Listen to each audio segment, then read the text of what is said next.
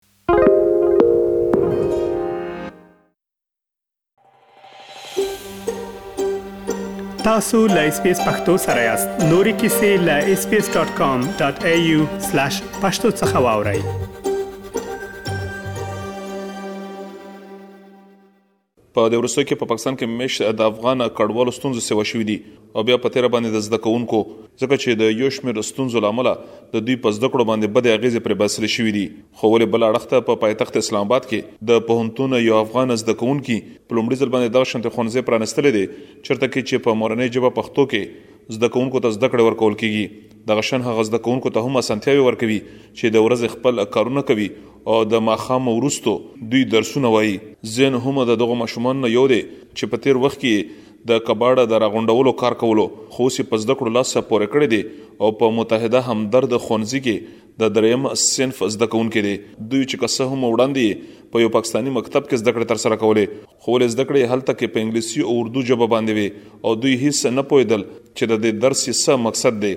زه زین الله د متحد همدرد لومړنۍ ښوونځۍ د درېیم ټولګي زده کوونکی یم. اول ما د کباړو کار کوی بیا اردو سکول کې داخل شوم کوم څه چې په ما یې زده کول په مطلب یې نه پوهېدلم اوس زه ډېر خوشحاله یم چې خپلې مورنۍ ژبه کې زده کړې کوم، په هر مطلب یې پوهېږم. وسلام. د متحده همدرد د ښونځي سرمعلم موسی کلیم همدر د پرانستل شوي ښونځي په اړه باندې وویل چې پنځه میاشتې وړاندې یې د افغان زده کوونکو لپاره په پایتخت اسلام اباد کې دغه ښونځی په دې غرض باندې پرانستلو چې په اسلام اباد او خواوشا سیمو کې هغه افغان زده کوونکي چې د زده کړو دعمل نه بې برخې دي او یا په خپله مورنۍ ژبه کې زده کړې کول غواړي د هغې لپاره اسانتیاوې برابر کړي. دوی ویل چې د میاشتې په سر باندې د ماشومانو نه ډېرې کمې پیسې اخیستل کېږي چې مصرفونه یې بیا په مشکل سره پوره کېږي. نړیوالې اړیکې آی آر سټوډنټ یم خپل زده کړې مې هم مخې ته روانې کړې دي ورسره ورسره دا دې داسې ذمه داریان نورم په اوږو باندې وړم نو موږ غواړو ژغ کوو ستاسو د دې رسنۍ د لارې څخه چې تاسو دغه خدمات چې موږ روان کړی دي خاص تر د تعلیم په برخه کې تاسو د دې ماشومان لاسونه ونیسئ تاسو د ماشومان هغه زیته ورسوي چې د دیو څخه بیا ولسونه ګټي ویسي بیا وطنونه ګټي ځنی ویسي خدای دې وکړي چې زموږ په आवाज اوریدلو سره تاسو د ټولو نمخ کې دغه په اسلام آباد کې چې کم شاخ د ماشومانو لپاره خلاص شوی دی دغه ښوونځی چې کوم خلاص شوی دی دا ضرورت لري ځای ډیر زیات کوچنی دی چونکی د غټ ځای د لپاره چې هغه ته دوی سپورت هم وکړای شي هغه کرایګانې زیاتې دی وي څلور استادان زمانه بغیر زما سره 15 استادان دي هر استاد ته متنخه مقرره کړې ده اته زره تنخواه ورته ورکو چې ډیر زیات کم هم دي خو اته زره تنخواه هم دو دېرش زره جوړېږي سل سل روپۍ موږ فیس اخلو د هر ماشوم څخه چې د یو استاد د دوه استادانو فیس نه ور باندې جوړېږي مشکلات ډېر زیات دي کتابونه دي کتابچې دي د دوی یونیفارم دی بیا یخني ده بیا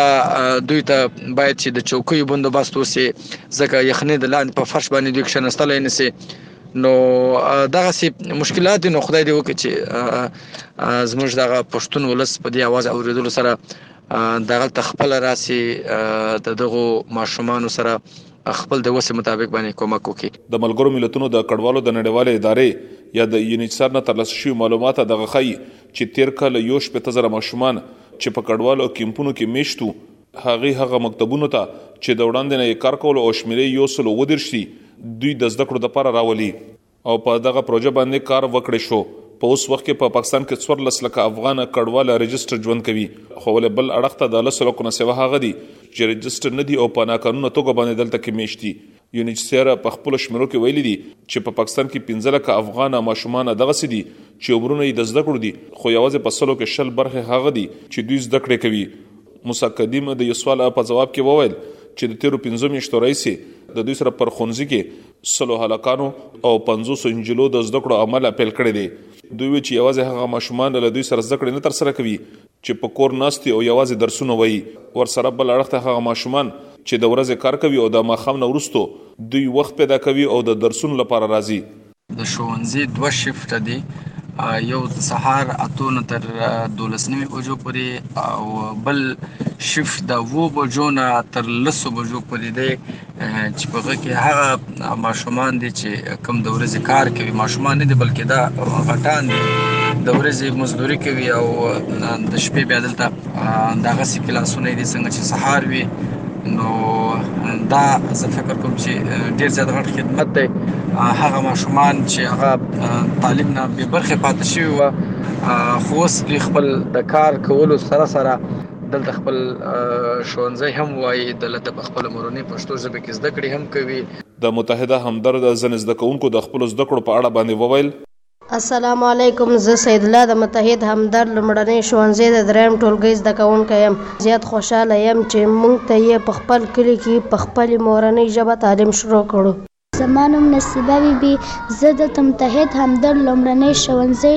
د دریم دریم ټولګي زده کوونکې یم. زه دلته زما په زده کړو زما کورنۍ ډېره زیاته خوشحاله ده. په دې وروستیو کې د ملګرو ملتونو په مرسته باندې جوړ د کډوالو ماشومانو لپاره په ښونځیو کې د پښتو او د دري پرځای باندې په اردو او انګلیسې ژبه باندې د زده کړو عمل پیل شوی دی چې له امله یې دغه افغان زده کوونکي د لوی مشکل سره مخامخ دي او دغه شانتې دوی اندېښمن دي چې په راتلونکي وخت کې اوچتو زده کړو له په دوام ورکولو او دغه شانتې په دنده پېدا کولو کې به لوی ستونزې اور خنډان وي او بل اړخ ته دغه شانتې ډېری ماشومان دي چې دوی په انګلیسي او اردو ژبه باندې نه پوهېږي موسی کلیم د دغې یادې ستونزې په اړه باندې وویل